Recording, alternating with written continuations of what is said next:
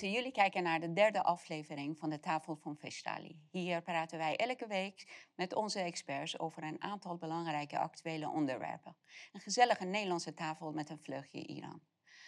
Mijn gasten voor vanavond, politicus Wiberen van Haga, jurist Hanno Wiese, onderzoeksjournalist Patrick Saval en de sidekick voor vanavond is de enige echte Adnuis. Welkom heren. Een Groningse aardgaswinning is een hele uh, groot onderwerp. En die gaat letterlijk elke Nederlander aan. Uh, we gaan eerst kijken naar een uh, bijdrage van jou in de Tweede Kamer. En dan kan jij ons meer erover vertellen. Na die vraag. Okay. Technisch gezien is het namelijk mogelijk om op een veilige manier door te gaan met produceren van aardgas uit het Groninger gasveld. Zoals ook wordt bevestigd door verschillende hoogleraren, zoals professor David Smulders.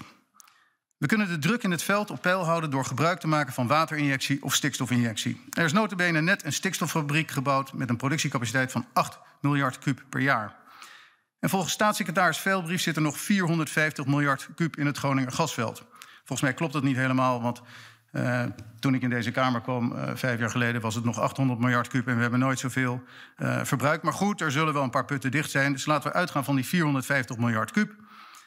En bij de huidige gasprijs vertegenwoordigt dat nog steeds een waarde van ongeveer 250 miljard euro. En dat is een niet te verwaarlozen hoeveelheid geld. En van deze 250 miljard euro zouden alle Nederlanders en ook de Groningers kunnen profiteren.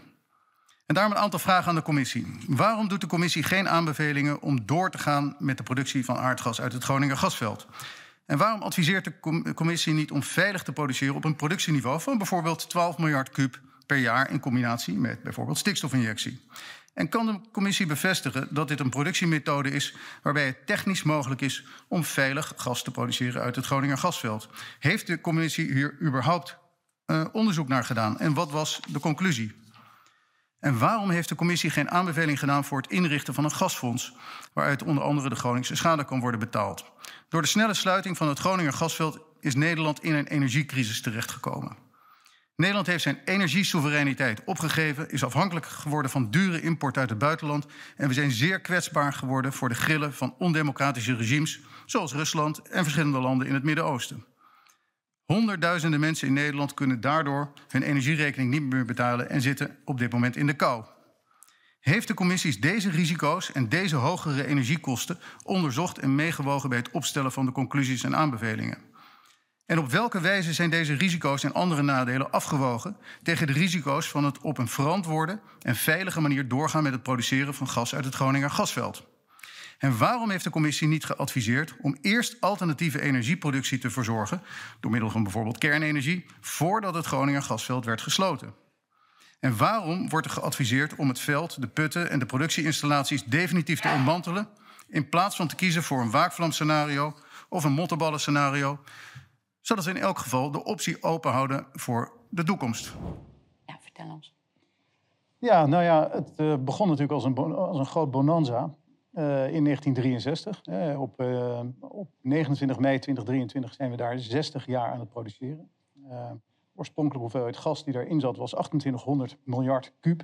En dat hebben we gewoon verjubeld. We hebben het gewoon weggegeven aan andere landen. We hebben, er, we hebben er niet iets mee gedaan zoals bijvoorbeeld Noorwegen heeft gedaan. die hebben een mooi uh, mooi fonds gestopt. En daar kunnen ze nog generaties lang kunnen ze daar plezier van hebben. Hebben we helemaal niet gedaan, we hebben het verjubeld. Uh, vervolgens, uh, als ik het goed heb, uh, kwam er op een gegeven moment een beetje twijfel over of nou, de, de trillingen die er gevoeld werden, de seismische activiteit, de aardbevingen zo je wil, of die in verband stonden met, met gasproductie. Nou, dat, dat was uiteraard wel zo. Alleen uh, het causale verband werd natuurlijk altijd een beetje, een beetje moeilijk. En je had een NAM ertussen zitten. Maar goed, we waren lekker aan het produceren. Heel Nederland uh, ging aan het uh, gas. En het is ook heel schoon. Hè? Het is, dus als je het hebt over de energietransitie... dan moet je natuurlijk niet op kolencentrales en zonneakkers... en biodiesel waar je palmolie voor, moet winnen in, in Zuid-Amerika. Dat niet doen. heel Europa is aan het overschakelen op aardgas... Nou, dat hadden we wel kunnen doen. Maar goed, door die aardbevingsproblematiek ontstond er een probleem. Nou, hoe komen die aardbevingen? Dat als je een gasveld vindt dat, uh, dat inderdaad destijds 2800 miljard kuub uh, groot was en een initiële druk had van 350 bar, eh, en je gaat daaruit produceren, dan gaat die druk omlaag. Nou, dat gasveld bevindt zich in een zandsteen en dat heeft porositeit en permeabiliteit. Dus een soort kleine belletjes. Daar zit het gas in en als je dat eruit haalt en je stopt er niks voor terug, dan klinkt dat een beetje in en dan krijg je een, een, een paar duizend meter daarboven krijg je uh, trillingen. En de, de, zwaarste aardbeving was in Huizingen, ik geloof in 2012, was um, ehm, 3,6 op de schaal van Richter. Dat is vergelijkbaar met een voorbijrijdende bus. ja, ja je, je, lacht, maar dat is wel zo. En natuurlijk, als je meerdere keren uh, dit soort trillingen hebt, krijg je ook scheuren in je huizen. En de Groningers in het gewinningsgebied hebben ook scheuren in hun huizen. Die zijn ook belazerd. Um, maar goed, de druk in het veld is omlaag gegaan door jarenlang produceren. Ook op hele hoge productieniveaus. Um, de SODM heeft uh, laatst nog een, een, advies gedaan, of advies gegeven, waarbij ze zeiden: Nou, laten we nou op 12 miljard kuub per jaar gaan zitten. Mm -hmm. En dat is een veilig productieniveau. Nou, toen kwam er nog een keer een vraag overheen van het uh, angstkabinet.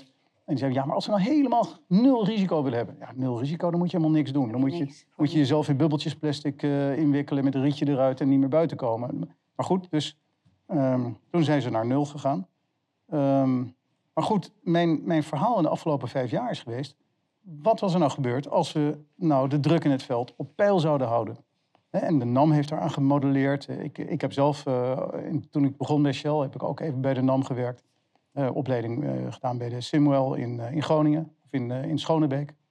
Um, en ik heb tien jaar voor Shell gewerkt, dus ook naar olie en gas geboord. Maar al mijn collega's uit die tijd zeiden, ja, maar dit is, dat, is totale waanzin. Want technisch gezien is het mogelijk om gewoon veilig door te gaan met produceren uit het Groningen gasveld. Het is, staat in de top 10 van de grootste gasvelden ter wereld. Um, heel, heel, uh, heel Europa is er eigenlijk afhankelijk van. Uh, zeker omdat je zag dat we ook geopolitiek uh, in, in een probleem kwamen... doordat we afhankelijk werden van het gas uit Rusland. Um, ik zat in 2017 in de, in de VVD-fractie en toen heb ik dit ook gezegd. Hè. Toen zeiden ze, nou, maar we gaan naar nul en dat is heel goed... want de Groningers lopen gevaar. De Groningers liepen geen gevaar. er waren technische oplossingen. En, en, toen hebben we ook al gezegd van, joh, waarom gaan we niet in ieder geval geen, enkel, uh, geen enkele put dichtcementeren? Dus je houdt het veld intact. Um, zodat als je bijvoorbeeld een probleem krijgt met Rusland, dat je altijd weer open kan zetten. Zodat je altijd je eigen energiesoevereiniteit behoudt. Maar goed, de oplossing is natuurlijk, en er is onlangs ook nog een hoogleraar uit van de TU Eindhoven geweest, David Smulders. En die heeft dit hele verhaal compleet bevestigd. Als je gewoon uh, waterinjectie of stikstofinjectie toepast. En je gaat dus iets injecteren onder in het veld. En boven in het veld haal je gewoon gas eruit. Helemaal geen probleem. Dan hou je de druk in het veld op de huidige 80 bar. Dan krijg je dus veel minder seismische activiteit. En dan heb je nog de kans om die, eh, nou laten we zeggen 500 miljard kubieke meter die er nog in zit, te produceren. Nou, met, een, eh, met de huidige gasprijs, ik heb vanochtend nog even nagekeken, maar de gemiddelde gasprijs die wij aan de energieleverancier betalen is 1,47 euro. En dan zit je ergens tussen de 500 en uh, eh, 1000 miljard euro. Die nog in de grond zit. Nou, we hebben een stikstoffonds van 25 miljard. We hebben een klimaatfonds, rampzalige fondsen van 35 miljard. Het geld wordt over de balk gesmeten. Maar we hebben nog, laten we zeggen, tussen de 500 en 1000 miljard euro in het Groninger gasveld zitten. En om politieke redenen wordt dat er niet uitgehaald. En dat, dat is dramatisch. En uh, het is, uh, het is onlangs uh, ook wel de, de, nou ja, een beetje het resultaat van de alfa-hel genoemd. Omdat in de Tweede Kamer zitten heel veel alfa's, onder ambtenaren zitten heel veel alfa's. Ja, en uh, ook een Hans Veilbrief is natuurlijk een econoom, die is nu minister of staatssecretaris van, van Mijnbouw. Ja, en die vinden gewoon, dit is een principiële zaak. De Groningers lopen gevaar. De Groningers zijn nu allemaal heel bang gemaakt. Gemaakt, hè, want de Groningers worden echt niet bang van, van een paar trillingen. Maar die worden bang gemaakt doordat iedereen gaat roepen jongens, jullie, jullie lopen gevaar. Maar feitelijk worden ze een, een aantal keer achter elkaar gewoon verneukt. Eerst wordt er ongelooflijk veel geproduceerd en ongelooflijk veel welvaart geproduceerd zonder dat ze meedelen. Vervolgens komen ze in de aardbevingen te zitten en worden hun huizen niet verstevigd. Dat hele verstevigingsplan, dat hele debakel daaromheen, daar zijn de Groningers ongelooflijk de dupe van geworden. En vervolgens zit er nog, nou laten we zeggen, duizend miljard euro in de grond. En die laten we zitten, terwijl de oplossing is stikstofinjectie. En dan vervolgens de Groningers laten meedelen. Als je die Groningers 10% van het hele fonds zou geven, dan kregen ze 100 miljard euro in de provincie Groningen. Nou, beleg dat een beetje mooi tegen 10%. Hebben ze 10 miljard euro per jaar. Het lijkt of het gewoon expres gesaboteerd is geworden, het hele project. Klopt dat of begrijp ik het verkeerd? Want Ja, kijk, wat jij zegt, je hoeft geen genie te zijn om, om het zo te bedenken of begri- te begrijpen in ieder geval. Maar ik snap de weerstand in de Tweede Kamer niet. Ja, dat, dat, eh, kijk, de politiek Ja. wordt gedomine- gedomineerd door eh, perverse belangen en domheid. Dat zijn de twee smaken. En eh, perverse belangen zijn er, die hebben we allemaal. Maar domheid, ja, als je gewoon niet opgeleid bent om dit te begrijpen... en je gaat toch in zo'n commissie zitten en je gaat daar dan roepen dat de planeet explodeert... en dat het klimaat erbij gebaat is... en dat we allemaal over moeten op elektrische auto's... want dat is veel schoner dan op gas rijden. Het is, het is allemaal aperte domheid en het is heel erg moeilijk om je daartegen te verweren. Maar het grappige is, we hebben, voordat we dit besluit na- namen, hebben we eh, gezegd, nou, we gaan langzaam overschakelen op Russisch gas. Maar dan moet je wat stikstof eh, moet je daar erbij doen. Dus we hebben een stikstoffabriek gebouwd in, eh, nou, ik weet niet meer waar. We hebben een stikstoffabriek gebouwd, ergens in Groningen. En die produceert nu bijna, eh, of kan, eh 8 miljard kuub aan stikstof produceren. Die 8 miljard kuub stikstof kun je injecteren in het Groninger gasveld. En dan kun je als je dat à pari doet, kun je 8 miljard per jaar eruit halen. Dat is een heel laag productieniveau, nog onder het advies van de SODM, het staatstoezicht op de mijnen. En dan hebben wij dus ons eigen soevereine gas.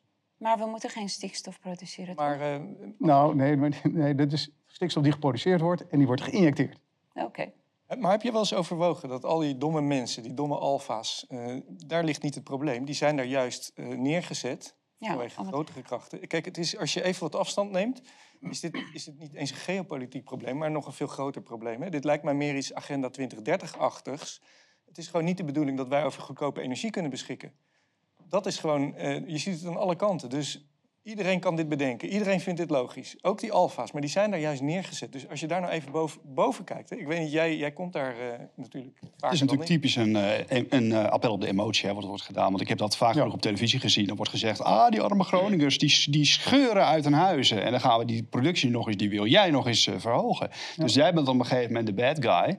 Hè, en je wil die Groningers uiteindelijk, zeg maar, in, een, in een ruïne zetten. Daar komt het eigenlijk op neer. Dat is een, een emo-kaart, die wordt getrokken. En dat wordt heel vaak gedaan wanneer beleid wordt verdedigd. Niet om ei- eigenlijke redenen. Dat zagen we ook met de pandemie. Dan zagen we ineens eh, eh, Kamerleden die zeiden... ja, en bij mij in het ziekenhuis, dat ziekenhuis dat kraakt in zijn voegen... zoals het nog nooit gekraakt Ja. heeft. Dat moet een pandemie zijn. hè. Eh, alsof je met een ziekenhuis in de buurt kunt bewijzen... dat er een pandemie over de hele Ja, wereld raast. dat is- emotionele argument, dat, ja. dat wordt altijd gebruikt. Alleen, Ja. je merkt wel dat naarmate het mensen gaat raken... en ze opeens drie, eh, drie euro moeten gaan een ander verhaal. Ja. Dan denken ze opeens van ja, hartstikke mooi. Oorlog in Oekraïne, maar ik wil gewoon goedkoop gas hebben. Ik wil 's ochtends eh, warm kunnen douchen. En, en dat, eh, hè, er worden nu, of er werden deze winter werden er gewoon eh, bejaarden onderkoeld het eh, ziekenhuis Nee, ingereden. maar wij hadden, we hadden goedkoop Russisch gas. Hè? En ehm, dat wordt dan een geopolitiek spel mee gespeeld. En nu zijn we dus in plaats van afhankelijk van goedkoop schoon Russisch gas... zijn we afhankelijk van veel duurder, minder schoon Amerikaans gas. Ja. Nou, er is dus een enorm spel om rondom die energie. ja. Dus ik, ik denk als jij daar boven kijkt, boven die domme alfa's... dat je iets heel anders ziet. Er is gewoon de bedoeling dat wij geen goedkoop gas en geen... Want je ziet het aan alles. Nou, je, je ziet al, al, die, al die bewegingen, daar, daar, daar is één grootste gemene deler. En dat is dat Europa zichzelf in de voet aan het schieten is. Ja. Die zichzelf aan het verarmen. De productiekosten van een kubieke meter gas in Groningen is 5 cent, 5 eurocent. LNG importeren voor 1 euro per kuub. Nou, dat is volkomen debiel. Dat is Maar daar zit 20 toch een plan achter? Nou, in Finland hebben ze nu net een ik, weet grote... niet, ik weet niet of er een plan achter zit, maar in ieder geval zijn de Verenigde Staten ongelooflijk op ons aan het verdienen. Ja, En wij zijn ja, on- onszelf kapot aan het maken. Ja, Ja. hier hebben wij, weet je, geld is er, techniek is er, kracht is er. De enige wat wij missen is gewoon de wil om het te gaan doen. Nou, en dat wordt tegengehouden. Ja, maar Ja. dat is kansloos. Want ik zag vanmorgen dat we een eh, klimaatgeneraal hebben aangesteld. Ja, Timmermans, dat is paus. Nee, nee. eh, Nou, een nieuwe collega van jou. Serieus? Geen eh, idee, Volgens ik hoor mij het is voor het. Middendorp. Die wordt Nou ja, klimaatgeneraal. nou ja. Dus het is, het is gewoon kansloos dat wij dit, dat wij dit gaan doen. Er zit, daar zit echt zoveel druk achter. Ik bedoel, het gaat helemaal niet om die Groningers. Er zit toch helemaal niemand Maar wat zelfs daar, hè, in Finland hebben ze een nieuwe kerncentrale geopend. Dat is in principe schone energie. Een beetje wie je spreekt over het afval. Maar Mhm. daar ging de energieprijs 75% omlaag. De oplossingen zijn er gewoon. Het is, er zit iets achter. En bovendien is de vijand helemaal niet Rusland. De vijand is gewoon onder ons. Die hebben gewoon die gaspijpleiding opgeblazen.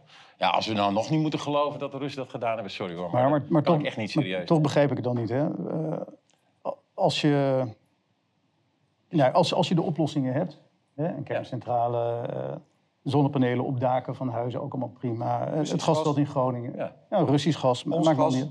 Maar het, het is er allemaal. Wat is dan, wa- wat is dan de drijfveer om, ja, behalve dan dat het een soort religieuze obsessie wordt, om overal windmolens neer te zetten en zonneakkers die niet aanstaan en eh biomassa-centrales te. Het, het, het, het is zo technisch onverantwoord en ja, maar dit zijn de SDG's van Agenda 2030. Of eh, aan de private kant eh, de Great Reset. Dat is, ik, ik zeg het je. Ik denk Ja, als jij jij- wat afstand kan nemen... Ik ga een beetje coachen hier, hè?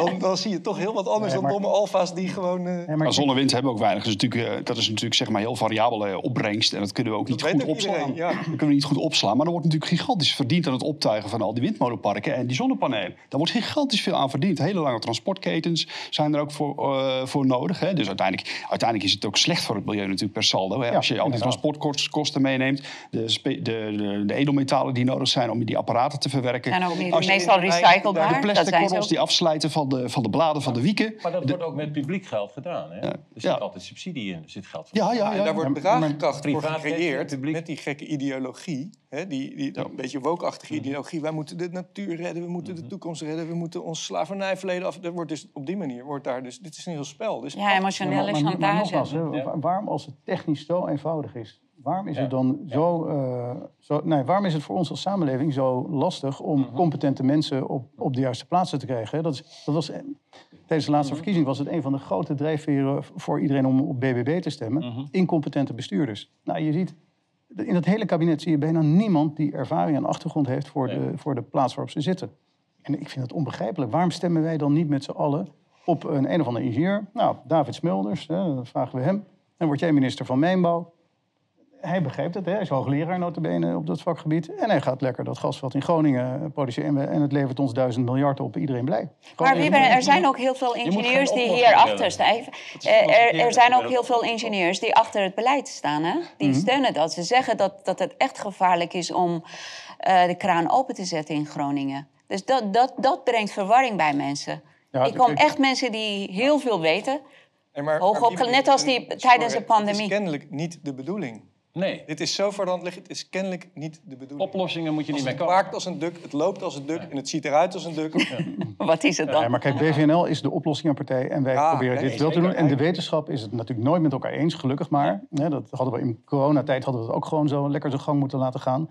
Maar er zijn voldoende hoogleraren die zeggen, jongens, dit kan gewoon, dit is een acceptabel risico. Het wordt over de hele wereld wordt het al gedaan. Het is niet Ja. nieuwe technologie, nee hoor, het is echt Zeker. decennia oud. Dus alleen in Nederland zijn we gek geworden en zeggen we, nou nee hoor, onze grootste goudmijn, die gaan wij sluiten in het belang van de planeet, planeet want anders staan we straks allemaal onder zeven meter water. En, eh, maar we worden dus in, in zo'n soort religieuze op- obsessie gedwongen, waardoor we ontzettend slechte dingen voor onszelf doen. Maar wat kunnen, wat kunnen, wat kunnen wij hieraan doen? Eh, We gaan dit onderwerp afronden. En dan, maar wat kunnen wij hieraan doen? Wat kan jij in de Tweede Kamer betekenen? Wat kunnen mensen doen? Wat, eh, Nou ja, ik, ik, kijk, ik, ik hou nooit zo van die termen zoals domme alfa's. hè. Ik eh, gebruik misschien zelf ook wel eens, maar... Ik dacht dat jij het zei, maar Nee, nee, nee. hangen maar ik kan hem Nee, nee, nee, nee, nee, nee. Ronald Plasterk heeft dat de alfa-hel genoemd. Ah, oh, de alfa-hel, sorry. Als het over, over ehm, eh, technische zaken gaat, ja, dan moet je niet iemand er neerzetten die politicologie heeft gestudeerd. Alleen de hele Kamer zit vol met politicologen. Nou, ik vind dat wij een beetje moeten gaan kijken als we gaan stemmen. Nou, op welke lijst staan nou gewoon mensen die al wat hebben gedaan, wat hebben wat opleiding, wat ervaring, wat ondernemers, een arts, een advocaat. Ja, Mensen die, die echt de harde kennis hebben en competenties. Maar dat hebben we niet. We krijgen Kajsa Ollongren op Defensie. Nou, die weet het verschil niet tussen een ananas en een handgranaat. zeggen eigenlijk? Is dat niet te veel Natuurlijk wel. Ja, Ja? ja, we, we hebben natuurlijk nog wel wat van Ja, onze zeker. soevereiniteit over. Maar we zijn heel hard bezig met dat over te dragen naar de EU, naar allerlei Ja. supranationale instanties. En dat is natuurlijk apert slecht. Nou ja, bij corona waren er toch ook hele simpele eh, oplossingen. Gewoon de IC's op schalen bijvoorbeeld. Ja, dat deden we ook niet. Gedaan. ja, Kennelijk Ik bedoel, eh, niet bedoeling. kom nou Nee. niet met een oplossing is- alsjeblieft. je. wat is jouw advies? een, eh, Wat is jouw advies, eh, Wieberen? Ehm, nou, ik, ik spreek heel veel techneuten die, die, die zich hier de haren over eh, uit het hoofd trekken. En mijn enige advies, en dat is ook het advies dat ik altijd eh, aan, eh, aan ondernemers geef, die ook boos zijn, hè, omdat hun pensioen nu verdwijnt, omdat alles verdwijnt, is ga, ga gewoon meedoen. We hebben nog steeds een functionerende democratie. Het is weliswaar een rare democratie, het is een partijdemocratie. Kijk naar Patrick. Nee, nee, het is een partijdemocratie. Dus als je niet lid bent van de VVD, ja, dan kom je nooit op een VVD-lijst. Dus je moet eerst Je moet eerst gestemd worden binnen de VVD of binnen het CDA. Maar als je dus lid wordt van een partij en je gaat op een lijst staan... Nou, ga, ga dan maar eh, je, je sociale dienstplicht doen en doe maar vier of acht jaar mee. Ga maar in die kamer zitten, 14 uur debatten uitzitten... maar dan wel met jouw vaardigheden en je competentie meedoen. Maar de, 90% van Nederland is uitgeschakeld. Die denkt, ik geloof het niet meer, ik vertrouw Ja. het niet meer. Bekijk het maar. Ja, en dan krijg je de, de Kaiser Ja. die, eh, die de wereld gaan regeren. En dat, dat is dramatisch. Ik zal wel bij de volgende debat aanwezig zijn. Oké, dat beloof ik je. Nee, dat hoef ik, ik zou het niet doen, nee, dat duurt te lang. Joh. Je, je wordt gek. Je, je, je leven is te veel waard. Dus jij raadt het ook af. Wat? Jij raadt het ook af. Nee, als je er zelf in de Kamer gaat Ah, zitten. Dat ja, moet je doen. ja, ja, ja, ja. Nee, Ja. dat snap ik. Als jij op buitenlandse zaken gaat zitten, dan heb je toch wel wat te vertellen. Ja, klopt. Terwijl iemand die nog nooit uit Nederland is geweest, ja, sorry. eh, maar allemaal zo'n mond in de Kamer. Dan, eh, dan wordt het een raar verhaal. Maar Ja. maar ja ik, ik ben ingenieur. Ik heb wat te vertellen over eh, het Groninger gasveld. Hm. Alleen, ja, ik ben een roep in de woestijn.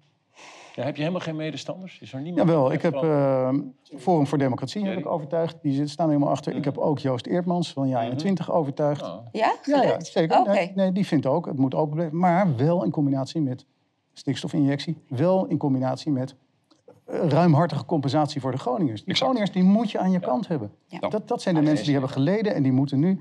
eh, geef iedereen in het winningsgebied eh 100.000 euro. Of de WOZ-waarde van zijn of haar woning. Of, doe maar wat. Maar er is 1000 miljard te verdelen. Als je 12 miljard kwijt bent voor de versteviging... en iedereen een ton geven... Ja, goed cares? voorstel. Dan zijn al die Groningers meteen voor. Nou, dat Nou, weten wij niet. Misschien nou, moeten wij via nou, een referendum... eh, En, en wat wij zeggen is, van, van luister, laat de Groningers over Groningen gaan. Doe maar een referendum. Willen jullie Ja. allemaal 100.000 euro en we gaan door, Ja. maar dan in combinatie met stikstofinjectie? Of niet? Dan denk ik dat ze allemaal voorstemmen. Dankjewel voor je bijdrage. En niet alleen maar hier, maar ook gewoon wat jij in de Tweede Kamer doet. Nou, dan, ja, Maar mijn zoon zeker, want die woont in Groningen. Ja. serieus. Nou, die We gaan nu naar het volgende Ja, onderwerp. precies, die wordt een grote voorstander. Oh.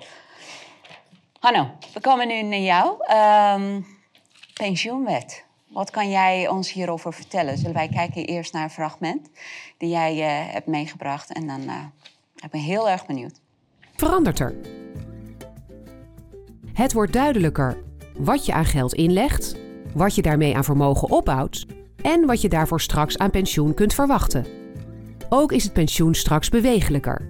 Het gaat eerder omhoog als het economisch beter gaat en omlaag als het economisch slechter gaat. Een pensioen dat meebeweegt met de economie.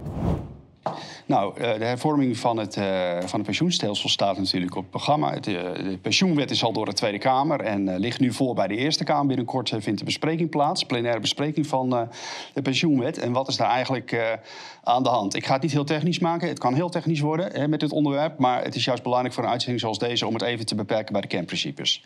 En eh, waar, het, waar het op neer gaat komen is eigenlijk dit: dat we een gigantische pot hebben met eh, pensioengeld. 1500 miljard. Miljard, ja, hè? Dat grootste een- in de wereld, toch? Een moddervet spaarvak, hè, zouden we kunnen zeggen. Hè?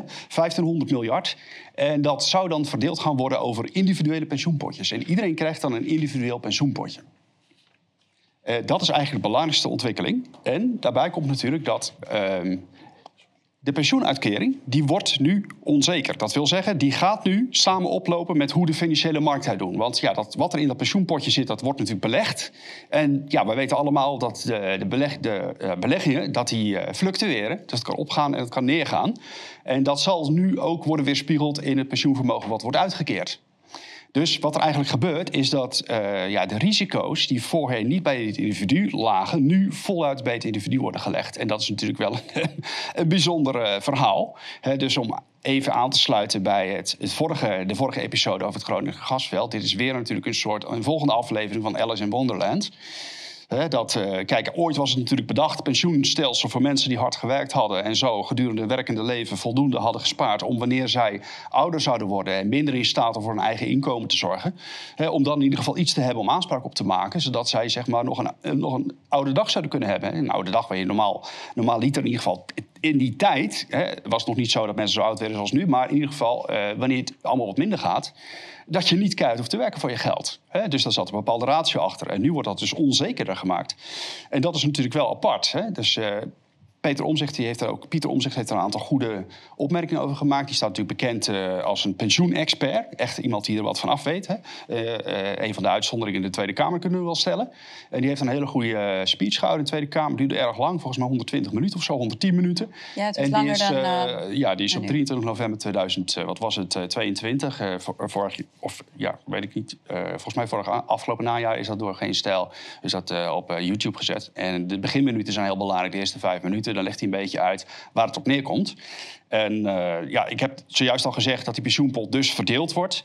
En eh, eh, nou, er zijn eigenlijk een paar problemen. En heel opvallend is dat het belangrijkste probleem met die pensioenwet eigenlijk hetzelfde probleem is als wat ook met de pandemiewet geldt. Want bij die pandemiewet hadden we maatregelen en die maatregelen waren nog niet geëvalueerd. Dus was het onzeker of die maatregelen feitelijk wel effectief zijn. Nou, we hebben eenzelfde soort onzekerheid ook met die pensioenwet. Want de parameters op grond waarvan zeg maar, uiteindelijk het geld verdeeld gaat worden over de verschillende potjes, die staan nog niet vast. En Peter Omzicht, Pieter Omzicht heeft daar een heel goede kritiek op geformuleerd. Die zei, wat er al wel in staat, is dat er uitgegaan wordt van een gemiddelde inflatie van 2%. En dat die inflatie maximaal maar kan oplopen tot 6%. Nou, inmiddels leven we een heel ander tijdperk. En hebben we gezien dat die, eh, die, die inflatie through the roof kan gaan. Dus eh, ja, de afgelopen jaren was, was die ver boven de 10% eigenlijk feitelijk. Dus als dit de modellen worden waarop dit wo- eh, allemaal zeg maar, wordt verdeeld... dan klopt er natuurlijk uiteindelijk feitelijk weinig van. Maar het hele principe is, dat is eigenlijk nog belangrijkere kritiek... dat iets aan het parlement wordt voorgelegd... terwijl de parameters van hoe de verdeling precies plaatsvindt... maar ook de risicotoekenning later... Hè, dat dat nog niet helemaal is uitgekristalliseerd... dat een Tweede Kamer daar al over moet beslissen... Eh, Pieter Omzicht merkte daar terecht van op, van op. Dat kan eigenlijk helemaal niet. Deze wet is nog helemaal niet af. We kunnen het ook niet hebben over een uitkeringenwet... waarvan de hoogte van de uitkeringen niet vaststaat... of een nieuwe eh, aanpassing van de belastingwet... terwijl eh, nog helemaal niet duidelijk is om welke percentage uiteindelijk het, het gaat. Dat is eigenlijk dat is, dat, dat is totaal voorbarig. Dus dat is een hele vreemde situatie eigenlijk. En zo heb je eigenlijk het parlement geblinddoekt, noemde hij dat. Hè, terwijl ze moeten het hebben over dit, eh, dit, dit, dit wetsvoorstel. Daarbij is ook belangrijk dat er geen inspraak is van de mensen die het betreft. En je wordt plotsklaps straks geconfronteerd met deze grote wijziging. Hè, plotsklaps heb je een potje en dan moet je maar geloven dat ook de berekeningen kloppen. En dat eh, het geld wat erin zit ook inderdaad het geld is wat jou toekomt. En eh, ja, dus dat, is, dat, is, dat gaat ook leiden tot een hele reeks aan rechtszaken... is wat de Raad van de Rechtspraak voorspelt. En de Raad van de Rechtspraak die heeft gezegd... jongens, dit is gewoon gevaarlijk. Dit is zo'n gigantische operatie. En daar komt zoveel problematiek uit voort. Daar komen zoveel rechtszaken uit voort. Wij zullen waarschijnlijk gewoon helemaal ten onder gaan... als we niet oppassen of in ieder geval overspoeld raken daardoor. Dus het is eh, de vraag of we dat organisatorisch kunnen handelen. En dat is nog los van de ICT-aanpassingen die nodig zijn... Zeg maar, om deze grote omwenteling ook mogelijk te maken. En we weten hoe goed dat gaat, hè? ICT-omwentelingen bij de Belastingdienst. Hè? Daar- Ja. dat, dat ging dus to- totaal van geen meter. En dit is een vele malen grotere operatie... dan ooit bij de Belastingdienst is uitgeprobeerd. En daarvan wordt dan gezegd dat dat in vier jaar in kan en kruiken moet zijn. Dus daar kun je wel even een paar vraagtekens bij stellen of dat daadwerkelijk zo gaat. Dus ja, er zijn verschillende experts die hier ook over de alarmbel luiden. En die zeggen van jongens, wat hier gebeurt is eigenlijk onbegrijpelijk. En dan is er nog een belangrijk punt. En dat is eigenlijk dat die 15 miljard, 1500 miljard, pardon, is natuurlijk een gigantisch moddervet spaarvak. En er wordt nu beweerd dat dat over de pensioenpotjes wordt verdeeld. Maar eerst ja, nu op dit moment is er een gigantische buffer. Dus als er problemen ontstaan, dan kan compensatie optreden vanuit die buffer. Maar waar is die buffer straks gebleven? Er wordt net gedaan alsof het allemaal verdeeld wordt over die pensioenpotjes. En dat heeft ook tot eh, kritiek geleid van diverse experts. Bijvoorbeeld eh Ab Flipsen, financieel expert, die zegt bijvoorbeeld van... jongens, eh, met die pensioenfondsen moeten we echt heel achterdochtig van zijn... want die hebben zo ontzettend veel geld. En waar veel geld is, daar is natuurlijk ook veel kans dat er, sprake, dat er gefraudeerd wordt. En zeker met zo'n grote transitie blijft daar niet heel veel geld aan de strijkstok hangen... of wordt daar geen, geen geld voor donkere maand.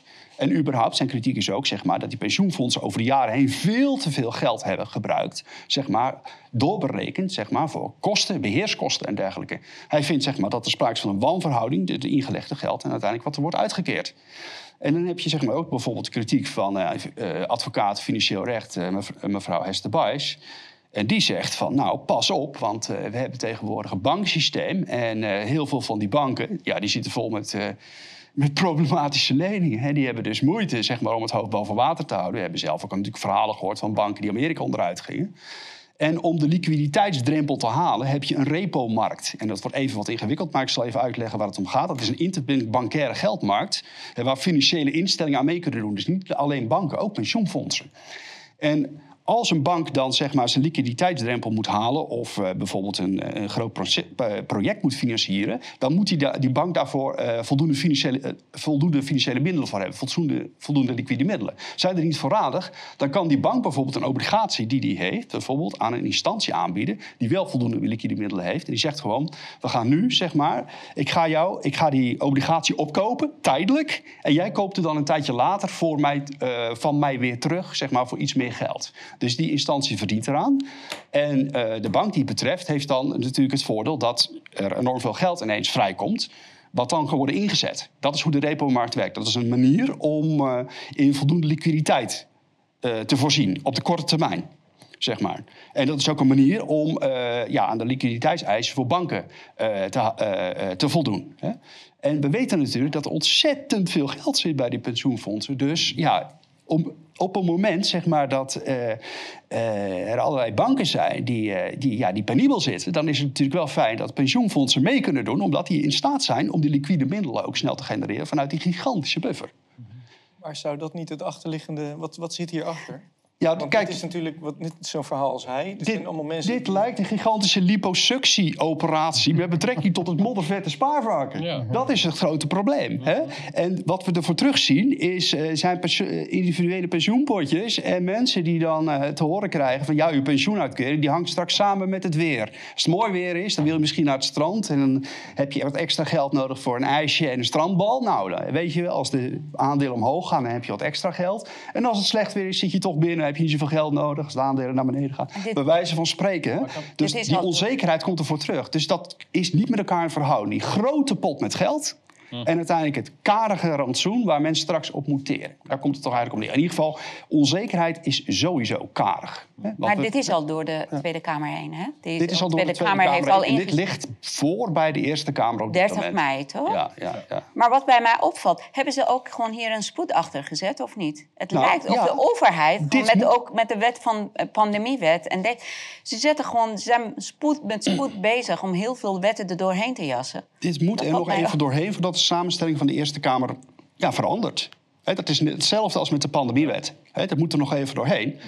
En daar zit dus inderdaad op die manier heel veel spoed achter. Dus dat moet gerealiseerd worden. Hoeveel mensen in de Kamer misschien kan wieberen daar? Hoe, hoe werkt zo'n beslissingsproces? Ik, begrijp, ik begrijp niet heel veel van wat jij net vertelde. Nou, volgens no mij heb ik gehoord, maar- alleen maar twee Kamerleden Maar- hebben tegengestemd. Maar leggen die dat voor aan hun achterban, aan een wetenschappelijk bureau? Of, of, want niemand in de Kamer begrijpt dit. Dat kan ik je garanderen. Dat begrijpt Jawel. niet. Nou, dat is ook het grote probleem, lijkt mij. Want hier wordt dus gezegd bijvoorbeeld... hoe die, dat pensioenstelsel wordt natuurlijk neergezet als... die hervorming als heel ingewikkeld. Heel erg eh, technisch. Hè, en eh, en eh, ja, dat hele verhaal van die parameters... dat wordt eigenlijk de toekomst ingeschoven vanuit het idee... ja, dat middelt zichzelf toch wel uit. En daar zitten hele verstandige en goedwillende experts... en die zullen het toch niet in hun hoofd halen... om, eh, om jouw pensioenvermogen straks voor jouw potje verkeerd te berekenen. Zeg maar, daarop wordt geappelleerd. En datzelfde appel vindt ook plaats bij de pandemiewet... Van, met betrekking tot die maatregelen... waar je ook hetzelfde geloof zag bij de Eerste Kamerleden van... ja, en eigenlijk die wet, hè, die pandemiewet, dat is een levend gebeuren. Dat betekent dat aan de hand van de stand van de wetenschap... moet er uit dat mandje met maatregelen...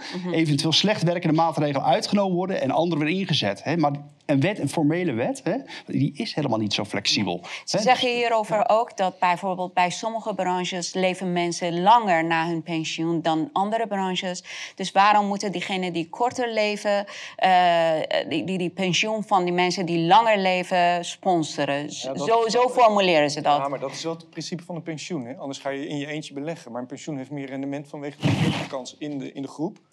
Dus dit is wel een beetje het collectieve voordeel Ja. van het pensioen. Maar eh, even aan Wieberen de vraag. Jij krijgt, eh, jij krijgt dit dan ook voor je neus, zo'n dossier. Ik weet niet of je het wel of niet begrijpt, maar hoe... Nou, nee, kijk, ik ben, ik ben ingenieur, dus ik begrijp hier helemaal niks van. Maar gelukkig heb ik in mijn fractie Olaf Efreem zitten. Ja. Die is econoom, uh, oud-bankier. En die heeft het eh, pensioendossier gedaan. En die begrijpt daar alles van. En die zegt, hier moeten we niet voor stemmen. Dus Ja. we hebben er ook tegen gestemd. Ja. Dus, eh, ja, en volgens mij zijn er wel meer partijen hoor, die er tegen hebben gestemd. En in de nieuwe Eerste Kamer denk ik ook niet dat er nog een meerderheid zou zijn voor deze... Nee, maar het wordt 30 mei hierover gestemd. maar hè? dat- Dan dat- is het... eh, Dat is natuurlijk politiek opportunisme. Er is nog een belangrijke andere dimensie die ik nog niet, onbe- die ik niet onbenoemd wil fire, hè? Hey. ja, ja, ja. Die ik niet onbenoemd wil laten, dat is zeg maar de, het lijntje met het World Economic Forum. Want sinds, eh, sinds eh, eh, Zijn ze weer. 16 december 2019 staat er een interessant artikel of een interessant ja, bericht op de site van het World Economic Forum met de titel Solving the Global Pension Problem. Dus er wordt gezegd dat er wereldwijd een pension crisis is. En eh, er zijn allerlei whitepapers die zijn eh, op die website geplaatst. Hè. En die, de eerste whitepaper kwam in 2017 uit. We live too long, how can we afford it? Hè, dus eh, dat is het grote probleem. Zo wordt het naar voren gebracht van eh, we worden allemaal veel ouder, dus het kan allemaal niet meer betaald worden. Dat, zo wordt het geframed. Ja, maar die Maar daar is toch al een oplossing voor bedacht? Ja, net Nee, ik zeggen. bedoel, die... Oh, dat zijn die vaccinaties. Ja, maar dat woord mogen we niet gebruiken. hoor. Oh, dat mogen we niet zeggen. Nee, joh. Nee, nou, nee, ik- sorry, ik neem Regie zet gewoon een piepje Nee, open. En in juni 2018 hebben we de volgende. En juni 2019 hebben we- hadden we de derde. En dat zijn allemaal whitepapers. Die gaan dus in op, op de vraag van hoe kunnen we dat nou allemaal eh, veranderen. Dus, dan is er ook zeg maar, nog een ander artikel op de World Economic Forum website te lezen. We desperately need to disrupt our approach to retirement saving. En dat is een eh, artikel dat verscheen op eh, 21 maart 2022. Met andere woorden, er is heel duidelijk sprake van een internationaal project... wat uitgaat van het World Economic Forum... om aan te sturen op pension reform. En als we even kijken naar een, eh, een filmpje wat op die website staat... Hè, van, eh, dan gaat het over eh, dat, eh, dat bericht eh, Solving the Global Pension Problem... van 16 december 2019. Dan zien we daar een, een man verschijnen, Han Yik heet hij... en dat is de Head eh, Institutional Investors van het eh, World Economic Forum... En die zegt dat het erop neerkomt dat incentives vergroot moeten worden om geen gebruik te maken van je pensioen. Dus hij framet dat als dat mensen steeds ouder worden, dus dat die pensioenpot te klein is. Hè. Nou, we hebben net al gezegd dat die pensioenpot eigenlijk ontzettend groot is. Hè. In Nederland, hè? In Nederland, ja. in Nederland in ieder geval. Ja. Hè, maar hij, Nou ja. hij, doet net, hij doet net alsof dit een, voor wereldwijd een groot probleem wordt, zeg maar, met andere woorden. En ja, hij zegt die incentives moeten worden vergroot, zodat mensen zeg maar, hun pensioen zullen gaan uitstellen in de toekomst. Hè, en eh, eh, hij noemt er een aantal maatregelen bij. Maar kijk, eigenlijk komt het hierop neer. Eh, in 1997 had je Alan Greenspan, die in het Nationaal Congres zei van... het belangrijkste eh, politieke speerpunt wordt job insecurity. Dus het, het onzeker maken zeg maar, van, van het bestaan van werkenden in loondienst. Hè, want dat, dat, dat levert efficiëntievoordelen op. Nou zou je kunnen zeggen dat hetzelfde gebeurt met betrekking tot het pension system. Zeg maar. Dat wordt nu ook zeg maar, eh, onzeker gemaakt. Dat, dat wij de grootste eh, pensioenpot van de hele wereld hebben. Dat laat zien hoe hardwerkende Nederlanders zijn. Ja. Dat is eigenlijk echt een hele grote compliment. Maar dan tegelijkertijd ook blijkbaar een vloek voor Nederlanders. Hoe, Maar- eh, maar- maar- ja? Oh, gang. oh, nee, nee, nou, we krijgen iedereen allemaal een potje. Kort antwoord graag. Ja, oké, maar wie gaat dat beheren dan? Nou, dat, dat beheer dat hoef je niet per se zelf te doen, naar ik heb begrepen. Dat kan nog steeds bij, eh, bij ja, kun je wel keuze in maken, maar dat kan dan nog steeds bij institutionele beleggers liggen, Oh. zeg maar. Ja. En daar, daar is de werkgever dan ook bij betrokken. Ja. Dus er verandert eigenlijk niks. Nou ja, in dat opzicht eh, lijkt het, op het, lijkt het hetzelfde. Alleen is het zo nu dat veel duidelijker wordt gezegd dat, dat, eh, dat de hoogte van dat pensioen gaat mee fluctueren met ja, de, de opbrengsten. En dus dan, moet je, dan gaat er iemand dat voor jou beleggen. Ja, ja het. institutionele Maar kan het Mag- ook- Mag je dat ook zelf? Dat gebeurt al nu, hè? Ja, Dat Ja, ja, ja. Maar kan het ook in de oorlogsindustrie dus worden niks. Nee, oh. Eh Hanno, kan het ook in de oorlogsindustrie eh, geïnvesteerd worden? Ja, ongetwijfeld. ongetwijfeld. Dat, Nee, dat is gebeurt al, hè? Dat, klimaat. zo Nee, is dat had ik het klimaat. Maar Honderdmaal. Joris, zal ik je nou, weet je wie, waarom de wereld zo onmenselijk aan het worden is? Weet je wie deze investeringen doet? Wie? Dat is de artificial intelligence van BlackRock. Dat is natuurlijk een onmenselijke, eh, die is letterlijk onmenselijk. Die doet die investeringen. Dat is een van de grootste artificial intelligences die er Is zijn. dat bewezen? Nou, dat net, ja, bewezen. Dat, is, dat kan je lezen op hun site. Wat je wel op de, op de site van het World Economic Forum ziet, is dat BlackRock gewoon bij deze pensioenreform, eh, die vanuit de web wordt aangestuurd, een partner is. En hoe kijk jij hier naar eh, de... Nou ja, ik, kijk, dit zijn natuurlijk werknemerspensioenen. Hè? Ja. ABP, PGGM zijn al met een grote kluwe in 1500 miljard. eh, en dat wordt belegd. En er wordt natuurlijk veel te veel eh, kosten op, op afgeschreven. En, en die hele herziening, dat lijkt me ook niet goed. Hè? Je legt dat eh, prima uit. En eh, Pieter Omtzigt heeft dat gedaan. En Olaf Efring ook gedaan. Maar we hebben ook 2 miljoen ondernemers in Nederland. Ja. En eh, die moeten helemaal eh, het voor zichzelf uitzoeken. Die moeten hun eigen pensioen opbouwen. eh. Ja. Nou, die, eh, die worden nu eh, op een andere manier geknipt en geschoren... doordat Marnix van Rij de box 3 eh, regels aan het aanpassen is op een, op een gigantische manier. Die een ongelooflijke ingreep is in, eh, in, de- in de pensioenen van de ondernemers. En aan de andere kant hebben 800.000 eh, ondernemers hebben een pensioen geregeld via één of twee of meer appartementen die ze verhuren. Of een winkeltje dat ze verhuren. Nou, daar komt Hugo de Jonge natuurlijk eh, om de hoek eh, zeilen. Mijn grote vriend uit coronatijd. En die is precies hetzelfde als wat hij in coronatijd deed, nu met, eh, met de woningmarkt aan het doen. Dat gaat gewoon helemaal kapot. Dus totale bouw, bouwstop, alles, alles gaat eh, mis. Met als gevolg dat die ondernemerspensioenen eh, verdampen. Ja. Honderden miljarden ondernemerspensioenen weg. En dus die hele middenklasse, die, die zelfstandige jongens en meisjes, ja, die, worden, ja, die worden geradbraakt. En dat, is, dat gaat heel ver. En daarom, ja, het kan bijna geen toeval zijn, maar het is wel gek dat op hetzelfde moment de ondernemerspensioenen ehm, ja, Ja. onder vuur komen te liggen. Dat op hetzelfde moment de, hè, de, nou, nee, de, de werknemerspensioenen en de ondernemerspensioenen op hetzelfde moment Ja. worden aangevallen. Klopt. En dat is, dat is vreemd. Ik vind het heel zorgelijk, want het is uiteindelijk geld dat van onszelf is. En dat wordt door de staat wordt het. Nou ja, het, wordt niet eens afgepakt. Het, het, het wordt verdampt. Kijk, als wij niks te zeggen hebben over eh, ons eigen lichaam... Dat, dat weet je, dat wij ook niks te te zeggen hebben over eh, ons eigen geld. Dat is, weet je, het is gewoon een patroon die wij steeds meer en meer tegenkomen, toch? Ja, de staat eh, neemt controle Alles. over, over alles. Ja. En ja, hoe, hoe meer je bij de, het individu laat, hoe, eh, ja, hoe moeilijker dat is voor de staat. En, maar ik, ik begrijp niet dat wij als samenleving met z'n 17 miljoenen... met al deze gekkigheid gewoon meegaan. Want ik, Het gaat 30 eh, mei naar eh, de Eerste Kamer. Hè? Die wordt daar eh, op gestemd in de Ja. Eerste Kamer. Kunnen mensen nog iets doen? Weer de Ja. brieven? Het ligt bij de Eerste Kamer nu op dit moment. Het is heel lastig om daar dan wat nog aan te doen. Het is uit het laatste stadium, het is een staartje.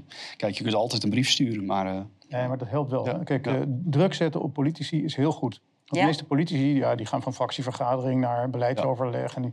Maar als je dan een position paper krijgt... of je krijgt een, een groep mensen langs... die zegt van... hé, hey, sorry jongens, wij zijn Molukkers. Wij zijn hier destijds neergezet en door jullie... en we hebben nooit een cent gekregen. We moesten in een concentratiekamp wonen en al- alles is afgenomen. En dan denk je, wow, dit is een ander verhaal. Nog niet gehoord. En dan ga je erin verdiepen. En dus die lobby... eh, eh, effecten, die, die zijn er wel. Dus die Eerste Kamerleden, ja. die, die moet je gaan eh belobbyen. Die dus moet als je onder goede druk briefs zetten. voorstellen circuleren, steun ze. Ja. Absoluut. maar ik hoor Ja. nu twee keer het woord onbegrijpelijk. Onbegrijpelijk bij het gas Ja. en onbegrijpelijk bij... eh, Ad, ik kan je meer garanderen, er zijn veel meer onbegrijpelijke onderwerpen hoor. Ja. In, in de maatschappij nu ja. gaande. Nee, maar, ja. maar technisch gezien zijn die dingen natuurlijk onbegrijpelijk. Onbegrijpelijk dat we hier geld aan het verdampen zijn, zowel bij de werknemers als bij de Maar werkgevers. is, hoe lang blijven we dat onbegrijpelijke steunen? Eén keer is toeval. Tot wij begrijpen dat het bijna te maar- laat is. Ik zei er net, of het, of het, is, eh, of het zijn perverse motieven, of het is domheid. Er zit natuurlijk nog een derde eh, Ja, ding, ja. dat er een, eh, een, een, een groter plan achter zit. Nou, dat heb ik nog niet helemaal kunnen ontdekken. Maar ik zie wel synchro- synchrone domheid. En synchrone Nou, luister, één keer is toeval, twee keer is een patroon, drie keer is een plan. Ja, nou ja, nee, maar natuurlijk, hè, in corona we hebben we verbijsterd naar al die plannen eh, zitten kijken. En nu zie je dat telkens terugkomen. eh, religieuze, obsessieve, nieuwe angstpsychoses die worden gezien. jou een, een, echt een ingenieur, hè? maar ik, nogmaals, volgens mij als je wat afstand neemt even, zoom out, dan zie je toch het plan. Ik sta open voor Gecombineerd met denk- eh, strijkstokken en rookgordijnen, volgens mij. Precies. Daar zijn wij goed in. Rookgordijnen, eh, hè? begrijp ik ook niet. Ja, maar, maar heel veel, vaak op kleiner niveau is Ja, het helemaal geen grote ik. plan. Nee, het is nee. gewoon een strijkstok. Maar dat bedoel ik niet op dat Ja. bedoel ik, op kleiner niveau.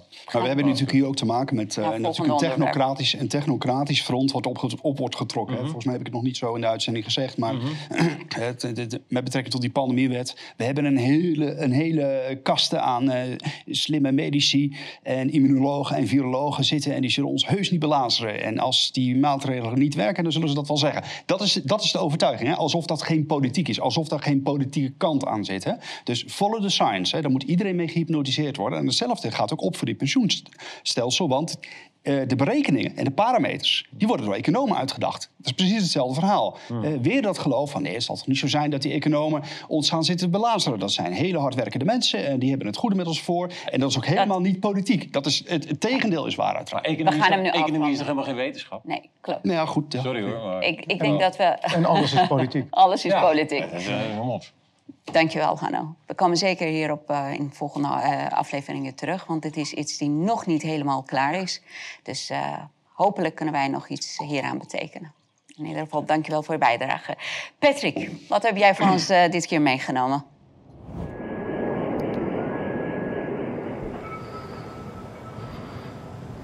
Ja, wat we hier zien, eh, ik, lees geen eh, mainstream nieuws. Ik heb, eh, weet niet precies wie dit allemaal gezien hebben. Op de social media is dit, is dit hype, zeg maar. Dit is het Russische superwapen, de Kinzaal.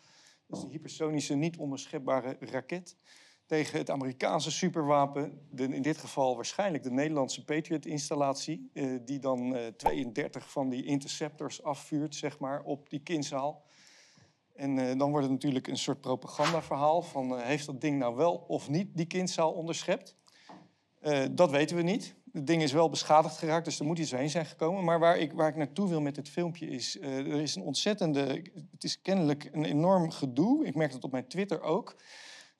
Wordt evenveel aandacht aan mij besteed als ik Russische technologie in de spotlight zet. Het is kennelijk de bedoeling dat wij denken dat die Russen, dat zijn prutsers, dat is, eh, dat is een of ander achtergebleven eh, eh, eh, civilisatie zelfs. Hè. Je zit En, op eh, een stel verroeste kernkool, ja, koolsoep te lepelen onder een portretje van Stalin. En, en die, die zijn, je leest de meest rare verhalen. Die zijn met, met schoppen aan het front zijn ze aan het vechten. En dat zijn allemaal eh, wodka drinkende, uit de gevangenissen getrokken, on- ongemotiveerde. En dat leger is dan natuurlijk wel het best getrainde NATO-leger. Want dat is het Oekraïnse leger eigenlijk, een NATO-leger aan het verslaan. Maar waar het om gaat is... eh, hier zit natuurlijk een soort saai op achter. Het is de bedoeling dat wij denken dat, het, dat, dat de tegenstander eigenlijk niets voorstelt. Om, om het publiek gerust te stellen dat we, dat we best wel een soort van oorlog kunnen gaan voeren tegen dat leger, tegen die mensen. Maar de waarheid is natuurlijk dat het net als het westerse leger, het is natuurlijk een hypermodern leger, dat is altijd ook zo geweest. Die Russen die zijn nooit eh, technologisch achterlijk geweest. Hè. Ik, ik vond wat leuke feitjes. De eerste vlucht, gemotoriseerde vlucht van een vliegtuig, was niet de gebroeders Wright in 1903. Ga maar googlen. Mensen denken nu dat ik gek ben.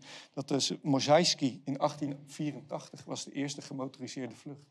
En de ruimterace die werd natuurlijk helemaal niet echt gewonnen door of we wel of niet op de maan zijn, Amerikanen. Maar die, die Russen die waren al die records aan het pakken. Eerste, eerste ruimtevlucht, eerste satelliet in de ruimte, eerste man in de ruimte, eerste hond in de ruimte, eerste vrouw in de ruimte, eerste landing op de maan, eerste landing op de achterkant van de maan, eerste landing op een, op een, op een komeet, eerste landing op Venus, eerste landing op... Die hebben al die ruimterecords hebben ze gepakt, hè, behalve dan die ene. We zien ook aan al die oorlogen. We hebben natuurlijk Korea gehad, we hebben de Tweede Wereldoorlog gehad, waar de technologie van de Russen helemaal niet minder was. Het Jak 3-vliegtuig, even voor de fans, ik vind dat af en toe leuk. Het Jak 3-vliegtuig wordt gezien als het allerbeste gevechtsvliegtuig in de Tweede Wereldoorlog. Vergeleken met de Mustang in Korea hadden we de MiG-17's, 15. Nou, dus, en op dit moment ook, dat Russische leger, dat is natuurlijk helemaal geen prutsleger. Dat is een gigantisch goed leger met heel modern. Het is, het is gemiddeld zelfs moderner dan de NAVO-legers. Het is de tweede macht in de wereld, toch? Qua leger. Dat is moeilijk te zeggen, tot als je ze tegenover elkaar zet. Eh, maar dit is een continue push van de media om die Russen als achterlijk neer te zetten. Eh, en die psyop daarachter is, het moet, het moet geruststellende gedachte blijven dat wij wel een soort van kleine oorlog of confrontatie met die Russen kunnen aangaan. Maar dat is ook super gevaarlijk. Super gevaarlijk.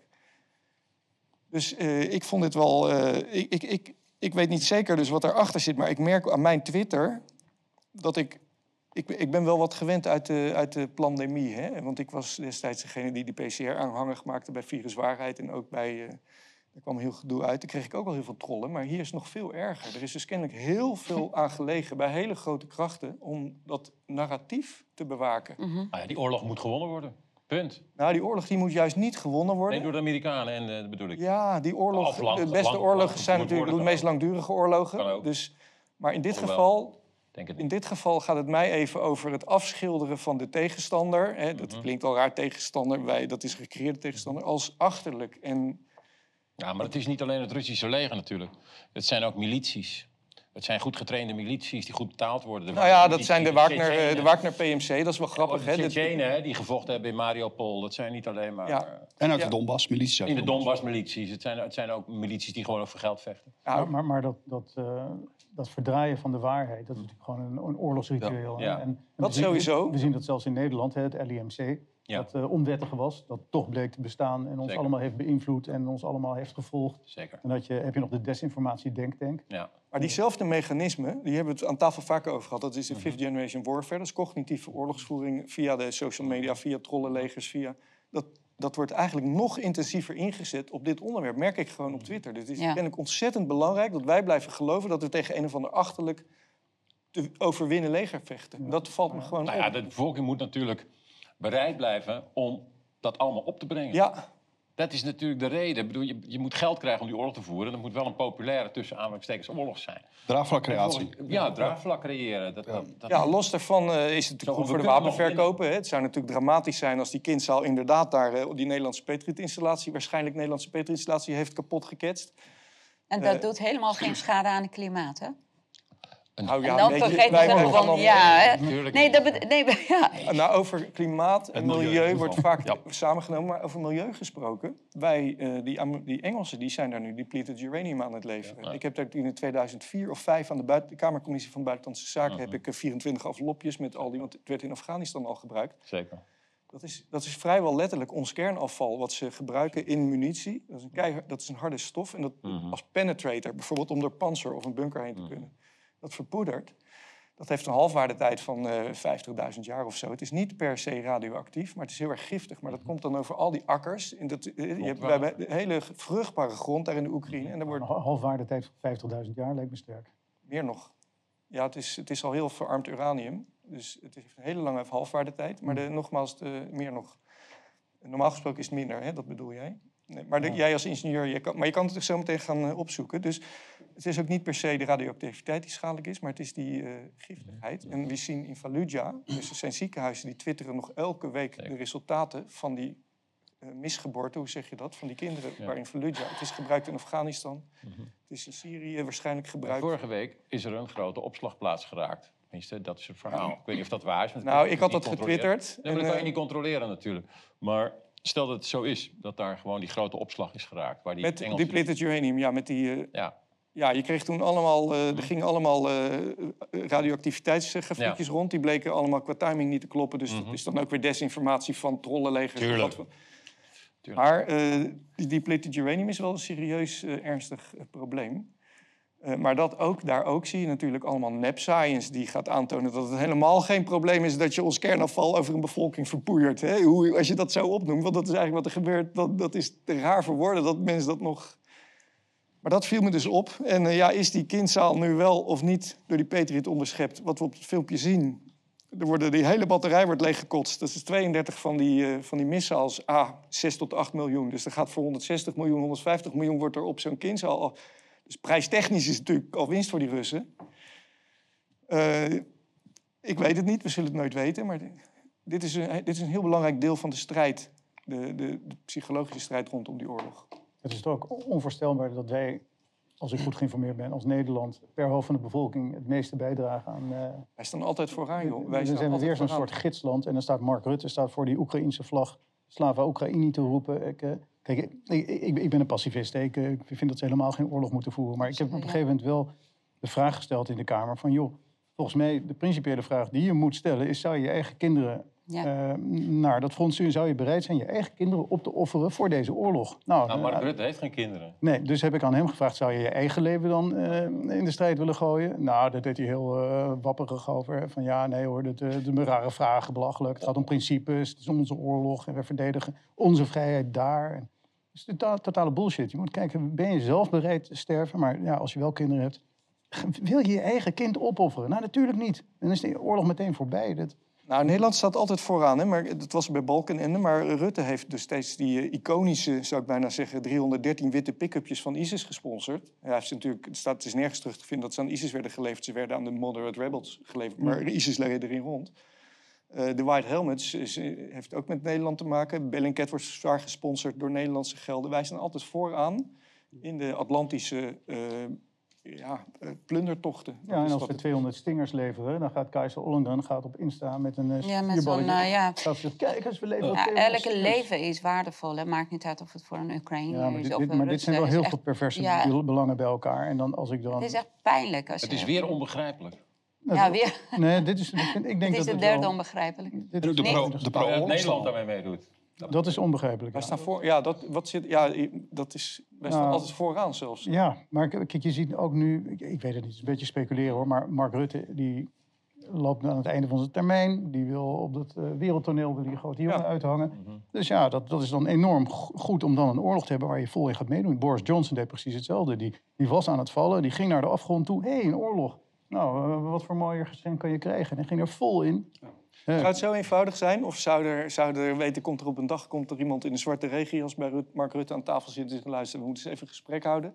En hij laat die Kennedy-moord zien van een hoek die wij allemaal nog nooit gezien hebben. Begrijp je? Zo, of, Ja, of is het echt zo eenvoudig als jij...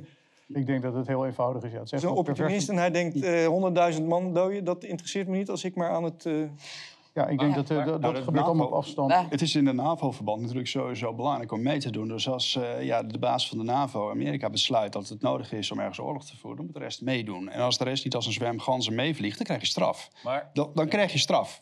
maar er zijn wel heel interessante Zo werkt het NAVO-verband. Er zijn maar 40 En daar zie- landen ja. die meedoen. Hè? 40 landen die meedoen met, het, met, de, met de oorlog en die 40 landen die meedoen met die boycott. Hm. Ja. Volgende maand komt er een grote conferentie in eh Sint-Petersburg. Er kan 80 landen aan meedoen. Die, eh, die sluiten zich aan bij de BRICS-landen.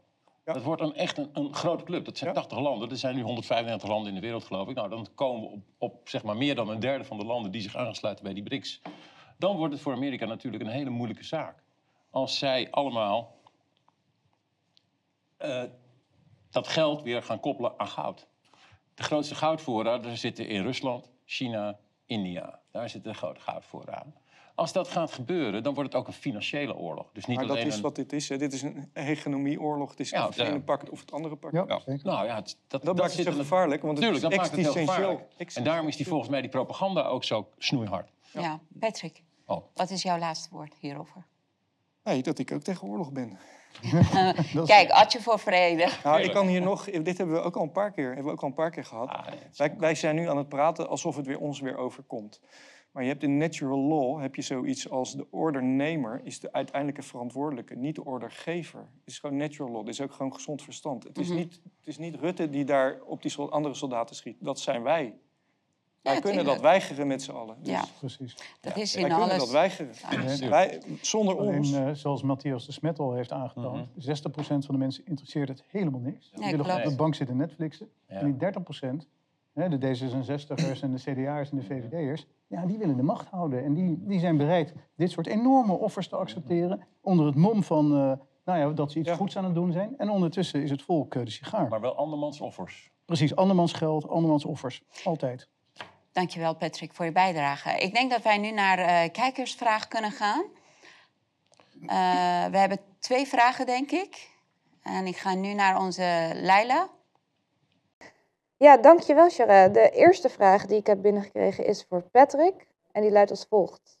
Er is veel commotie rondom de nieuwe raketten van Rusland en de wijze waarop Oekraïne deze volgens de mainstream media weet af te weren.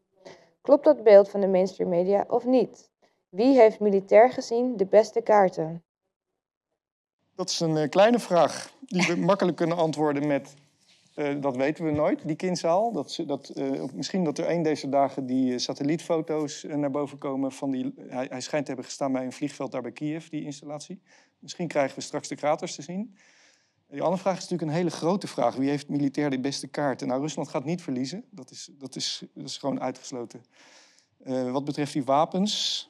Want daar gaat het eigenlijk over, hè, wie heeft de beste wapens... Ehm, het zijn twee hele verschillende filosofieën. Hè. De westerse wapens zijn over het algemeen high-tech beter, maar operationeel minder. Ze zijn gewoon heel moeilijk te onderhouden, hebben allemaal gigantische faciliteiten nodig. Er wordt nu over die F-16's gesproken. Nou, die hebben allemaal speciale vliegvelden nodig. Allemaal, dat is allemaal niet... Terwijl die Russische wapens, weet je, is een T-90-tank... die rij je bij de lokale fietsenboer naar binnen en die, en die kan die tank repareren. Dus het zijn twee, in dat opzicht ook twee verschillende doctrines. Ja, wie heeft de beste kaarten voor een lange oorlog? Denk ik toch Rusland. Vanwege eh, meer praktische wapens, pragmatische wapens. En ook de mindset. Nou, die van- militairen van zijn, dat was heel mooi. Er was een Poolse eh, topgeneraal die dat heel goed uitlegde. Hij zei, je moet die Russen, de mentaliteit van de Russische soldaat gewoon niet onderschatten. Dat is een betere soldaat ja. dan de westerse soldaat. Uiteindelijk komt het er natuurlijk wel op industrieel vermogen aan of jij een langdurige Ja. oorlog volhoudt. Hè? Want je hebt natuurlijk missiles nodig, je hebt kogels nodig, je hebt Ja. alle materiaal nodig. Want het gaat natuurlijk bij de vleet gaat dat de lucht in.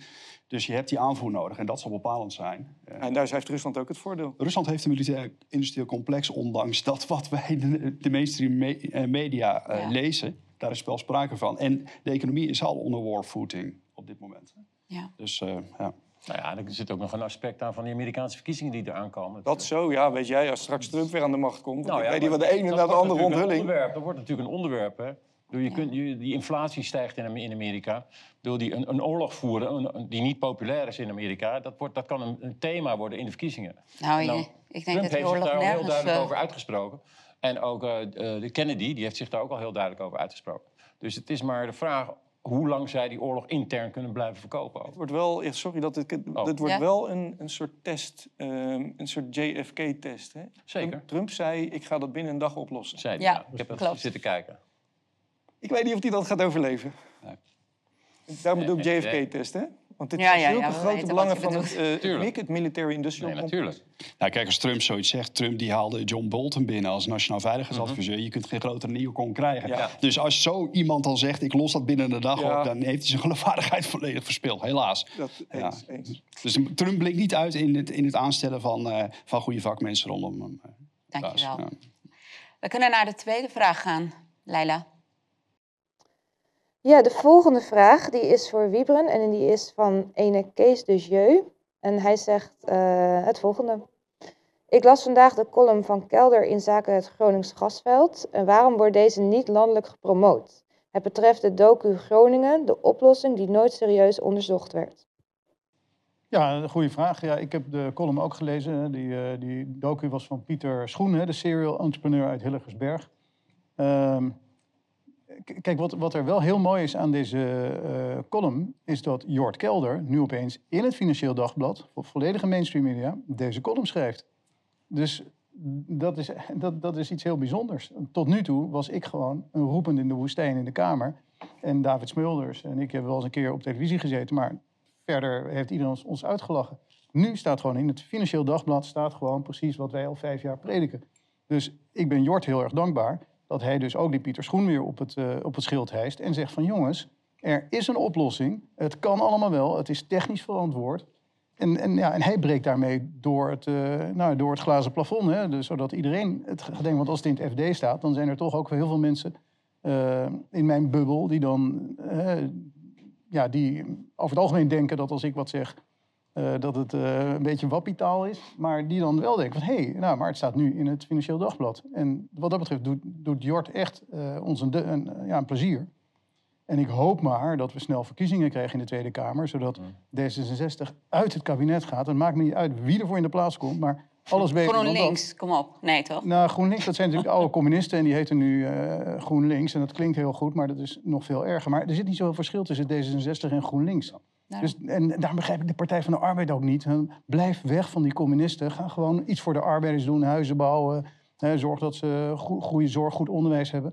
Maar in ieder geval, Jort heeft het op de kaart gezet. Ik ben hem heel dankbaar. En ik ben ook dankbaar van, eh, voor de vraag van Kees. En ik, ja, waarom wordt het niet eh, publieker ingezet? Nee, natuurlijk. Ik ga dit twitteren en iedereen. Maar het is pas vanochtend in de krant gekomen. Dus laten we hopen dat dit breed wordt opgepakt. En dat ook een Hans Veilbrief, die dus nu staatssecretaris van Mijnbouw is, zich achter de oren gaat krabben en zich gaat realiseren dat hij de grootste schade in de Nederlandse geschiedenis aan het veroorzaken Ik is. ben bang dat hij hier geen oor voor heeft. Nee, het interesseert ze Dus niet. dan Nee, gaat hij niet eh, het achter gaat, ook niet, het gaat ook niet om geld. Het gaat niet om eh, eh, het, het welzijn van de Nederlanders. Het gaat gewoon om een ideologische obsessie met klimaat, met macht, met eh, nou ja, al, al het goedmensengedrag. Ga jij het ook delen? Patrick, je hebt een grote bereik op eh, Twitter.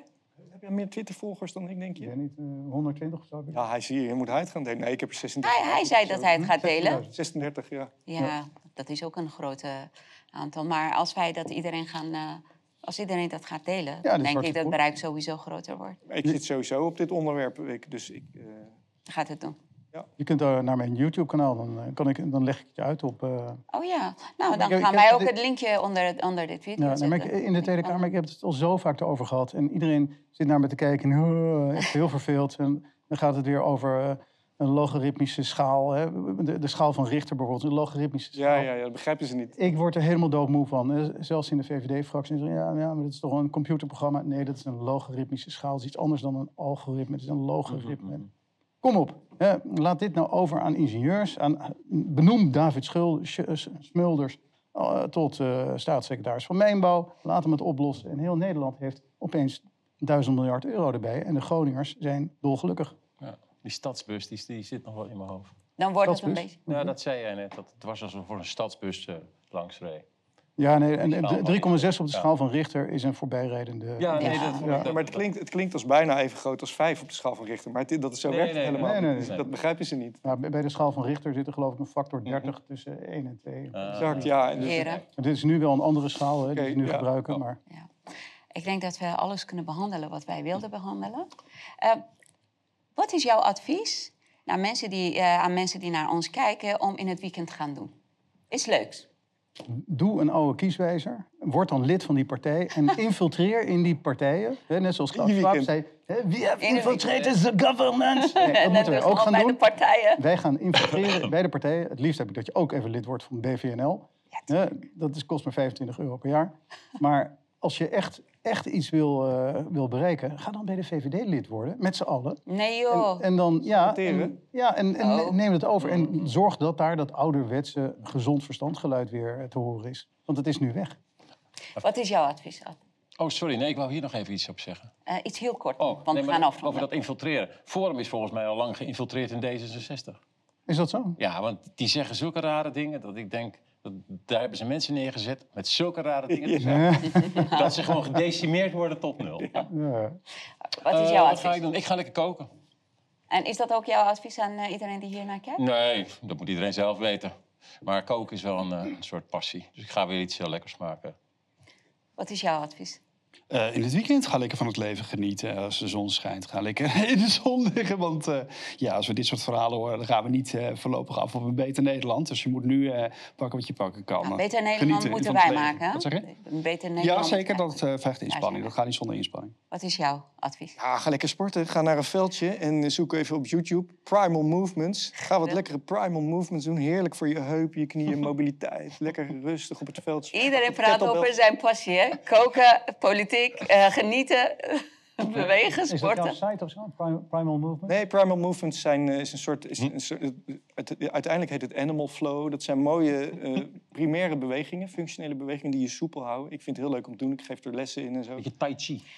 Nee, het is, het is dit kunnen wij ik, gewoon na afloop met elkaar bespreken. trouwens? Wat ga jij doen? Genieten van de zon. Kijk, Ik, ik ben gewoon afkomstig van een warm Ja, ja, land en in het weekend hebben wij zon. Dus ik ga genieten van de zon. Oké. Heren, dank jullie wel voor jullie bijdrage. En ehm, iedereen bedankt thuis voor het kijken en graag tot volgende week.